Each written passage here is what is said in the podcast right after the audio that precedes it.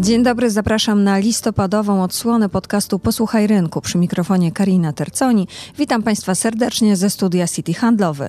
W każdym z podcastów wspólnie z ekspertami Biura Doradztwa Inwestycyjnego City Handlowy podsumowujemy najważniejsze wydarzenia ekonomiczne i rynkowe ostatnich kilkunastu dni. Ze mną w studiu Szymon Zajkowski z Biura Doradztwa Inwestycyjnego. Dzień dobry. Dzień dobry. Na początku tradycyjnie podsumujmy, co wydarzyło się na rynkach finansowych w ostatnich trzech tygodniach. E, w ostatnim czasie e, na rynkach finansowych panowały dobre nastroje i podwyższony apetyt na ryzyko. Główne indeksy e, giełdowe wzrosły o około 2-3%, a ceny bezpiecznych obligacji skarbowych lekko spadły. Dość głośno było przede wszystkim w kontekście amerykańskich giełd, gdzie indeksy wybiły się na nowe historyczne maksima. To, co w szczególności poprawiło mm, e, nastroje inwestorów, to zapowiedź podpisania wstępnej umowy handlowej między USA i Chinami, kolejna obniżka stóp procentowych przez Fed oraz lepszy od oczekiwań e, sezon wyników spółek e, w USA. O tym wszystkim oczywiście będziemy mówili w trakcie dzisiejszego nagrania. To może zacznijmy od wojny handlowej, czyli zakończenie jest już blisko? Kolejne rundy rozmów zbliżyły obie strony do podpisania wstępnej umowy, tak zwanej e, fazy pierwszej. E, I jak doniosły chińskie media, strony porozumiały się w głównych kwestiach. Potwierdził to również e, prezydent Donald Trump, który w, no, w swoim stylu napisał na Twitterze, że USA i Chiny szukają już lokalizacji, gdzie dwaj prezydenci mogliby się spotkać i podpisać właśnie to porozumienie.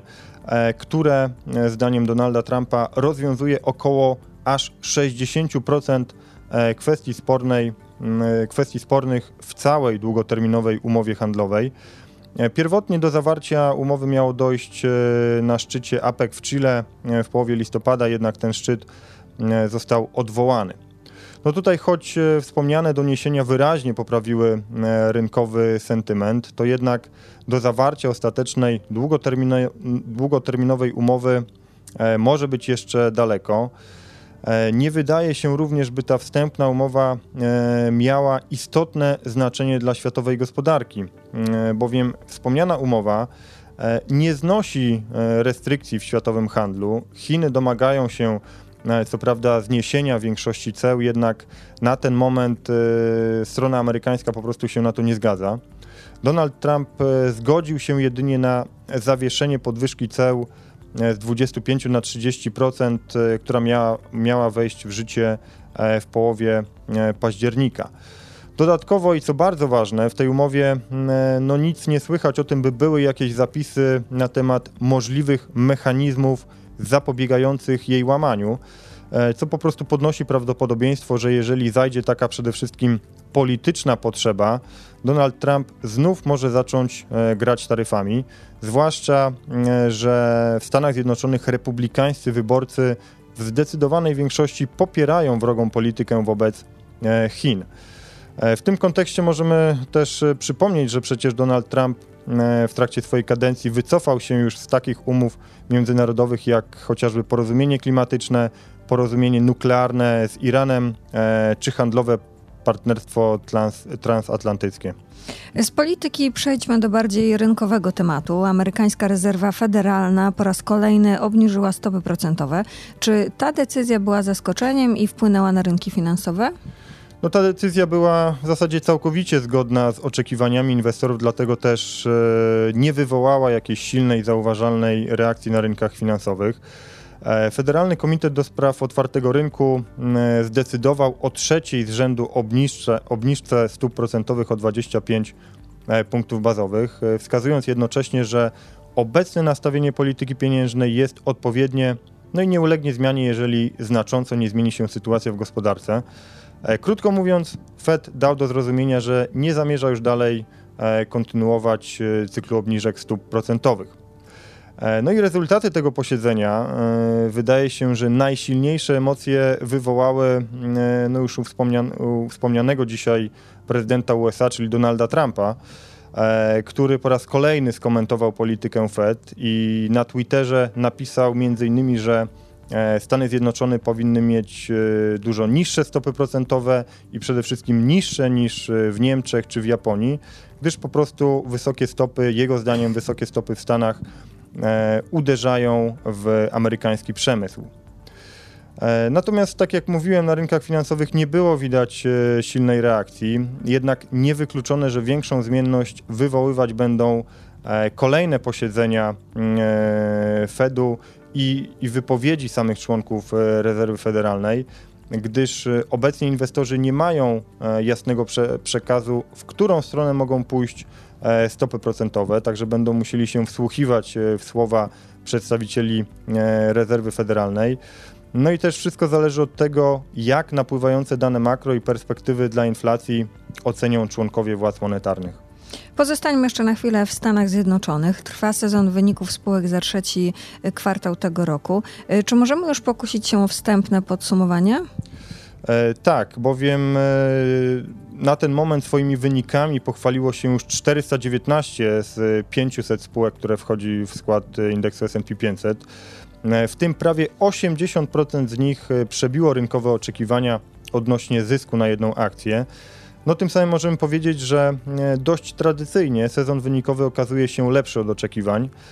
Mówię tutaj tradycyjnie, bowiem jak pokazuje historia, analitycy wraz ze zbliżaniem się sezonu wynikowego systematycznie obniżają swoje prognozy co do zysków spółek i zazwyczaj ostateczny konsensus jest po prostu e, zaniżony i jest go e, dużo łatwiej pobić. No i wygląda na to, że również e, w tym przypadku mamy do czynienia właśnie z takim zjawiskiem. Konsensus przed rozpoczęciem sezonu publikacji zakładał spadek zysków o około 4%, jednak na ten moment po publikacjach właśnie około 80% spółek skumulowany spadek zysków wynosi E, no w tym kontekście zaledwie 1,1% w ujęciu rocznym, także jest znacznie e, lepiej niż, e, niż oczekiwano zgodnie z tym ostatecznym konsensusem. No i co prawda ten sezon wyników wypada lepiej od oczekiwań, jednak ogólny wydźwięk jest negatywny, bowiem przede wszystkim zyski spółek spadają, tak? Mniej niż oczekiwano, ale jednak spadają. Co warto podkreślić, jest to już trzeci z rzędu kwartał E, kiedy zyski amerykańskich spółek e, spadają. Ostatni raz taką sytuację mieliśmy e, na przełomie lat 2015 i 2016 i wtedy indeks S&P 500 zaliczył kilkunastoprocentową korektę. No w tym roku jednak spadek zysków spółek i to już trzeci kwartał z rzędu nie przeszkadza amerykańskim indeksom by e, wyznaczyć nowe historyczne e, szczyty. Tutaj chyba przede wszystkim inwestorzy jednak zwracają uwagę na, na doniesienia geopolityczne. W kontekście informacji ze spółek może wspomnijmy o zbliżającym się największym debiucie giełdowym w historii. No tak, to jest bardzo ciekawa e, historia. E, oczywiście dotyczy to saudyjskiego giganta naftowego, e, czyli Saudi Arabian Oil Company, jak, jak, jak brzmi cała nazwa tej spółki. Potocznie Zwana jest ona e, Saudi Armaco. E, w ostatnich dniach władze spółki potwierdziły, że zamierzają wprowadzić ją na krajową giełdę i wszystko wskazuje na to, e, że będzie to największy debiut w historii. Oczekuje się bowiem, że spółka na debiucie sprzeda no, zaledwie 2% swojego kapitału, no ale jednak w zależności od ostatecznej, ostatecznej wyceny prawdopodobnie pozyska z giełdy od 30 do 50 miliardów dolarów. Tym samym e, wygląda na to, że pobity zostanie rekord z 2014 roku e, i debiutu chińskiej grupy Alibaba, e, która wtedy pozyskała 22 e, miliardy dolarów. E, ten giełdowy debiut przyciąga uwagę inwestorów na całym świecie e, tak naprawdę już od kilku lat, bowiem spółka przymierza się do tego debiutu no już od roku 2016. E, Aramco uznaje się za najbardziej dochodową spółkę świata. E, w tym roku spółka po raz pierwszy od 30 lat opublikowała sprawozdanie finansowe. No i podano w nim, że e, w ubiegłym roku, w roku 2018, zysk netto wyniósł 111 miliardów dolarów, czyli blisko dwa razy tyle, co zysk najdroższego koncernu świata, czyli spółki Apple i trzy razy tyle, ile wyniosły łączne zyski wszystkich koncernów naftowych w Rosji. Także to nam daje pewien pogląd, jak, z jakim gigantem e, mamy do czynienia. No i tutaj też na marginesie może warto wspomnieć, że tutaj mówiłem o zyskach netto, tak, 111 miliardów dolarów, ale tak naprawdę w kontekście Aramco o mówienie o zysku netto nie ma większego sensu, bowiem no jest to spółka w pełni państwowa, więc czy to zysk brutto, czyli przed podatkiem, czy netto po podatku, i tak w pełni ten zysk e, należy do państwa. E, dodatkowo szacuje się, że, e, że to państwo właśnie generuje około 70% dochodów właśnie z kasy Saudi Aramco. W kontekście tego debiutu warto również wspomnieć, że jest on związany ze strategią rozwoju państwa zainicjowaną przez samego następcę tronu, czyli księcia Mohammada e, ibn Salmana.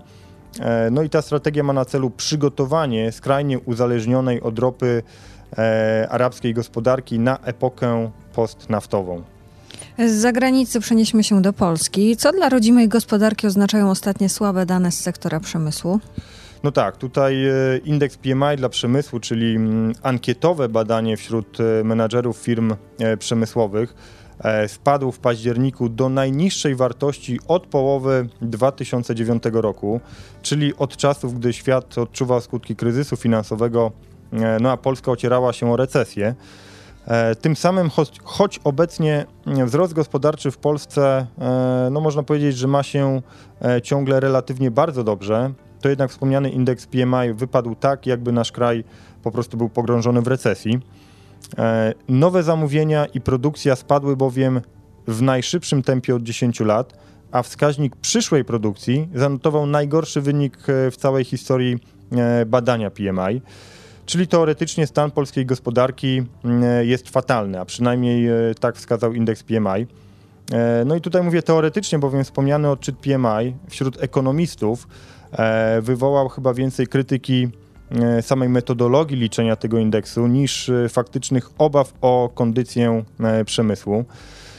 Po pierwsze bowiem, choć PMI już od kilku miesięcy wskazuje na recesję w przemyśle, to jednak twarde dane, czyli dynamika produkcji przemysłowej, no, wykazuje dodatnią, dodatnie wartości, dodatnią dynamikę. No i oczywiście e, podobnie jak dynamika samego e, PKB, która przecież cały czas znajduje się w okolicach 4%. E, jako powody rozbieżności PMI a twardymi danymi wskazuje się przede wszystkim małą próbę. Ta próbka stanowi zaledwie 200 przedsiębiorstw oraz jako drugi powód silne, silną nadreprezentację firm z niemieckich łańcuchów dostaw, czyli tutaj silne e, uzależnienie tych, tych przedsiębiorstw właśnie od kondycji e, niemieckiego przemysłu. No a przypomnijmy, że niemiecki przemysł obecnie znajduje się w bardzo słabej kondycji. Także podsumowując wątek indeksu PMI dla przemysłu, dopóki nie uzyskamy potwierdzenia w twardych danych, czyli w produkcji przemysłowej, w dynamice produkcji przemysłowej, na ten moment nie należy zbytnio przejmować się słabymi odczytami właśnie indeksu PMI. E, czy są jakieś ważne wydarzenia, którym powinni się e, przyglądać i przysłuchiwać e, inwestorzy w ciągu najbliższych dwóch tygodni? No tutaj dość tradycyjnie tak naprawdę, czyli wojna handlowa. Zobaczymy, jak ostatecznie, na jakich ostatecznie warunkach zostanie podpisana ta, ta wstępna umowa handlowa, no i czy w ogóle ona zostanie podpisana. E, dodatkowo po tej decyzji Fedu, e, która nie wskazuje, czego jasno możemy oczekiwać od, e, od decydentów, no musimy śledzić dane z amerykańskiej gospodarki, które nam wskażą, w którym kierunku podąży rezerwa federalna. Dodatkowo jeszcze zostało to około 20% amerykańskich spółek, które podadzą swoje wyniki, także zobaczymy, jaki będzie ostateczny skumulowany wynik zysków amerykańskich spółek. E, także to są te, te główne tematy, które dalej powinni śledzić inwestorzy. E, to już wszystko, co na dzisiaj przygotowaliśmy w podcaście Posłuchaj Rynku. Moim gościem był Szymon Zajkowski z Biura Doradztwa Inwestycyjnego. Dziękuję. Dziękuję. A ja się nazywam Karina Terconi. Słyszymy się za dwa tygodnie.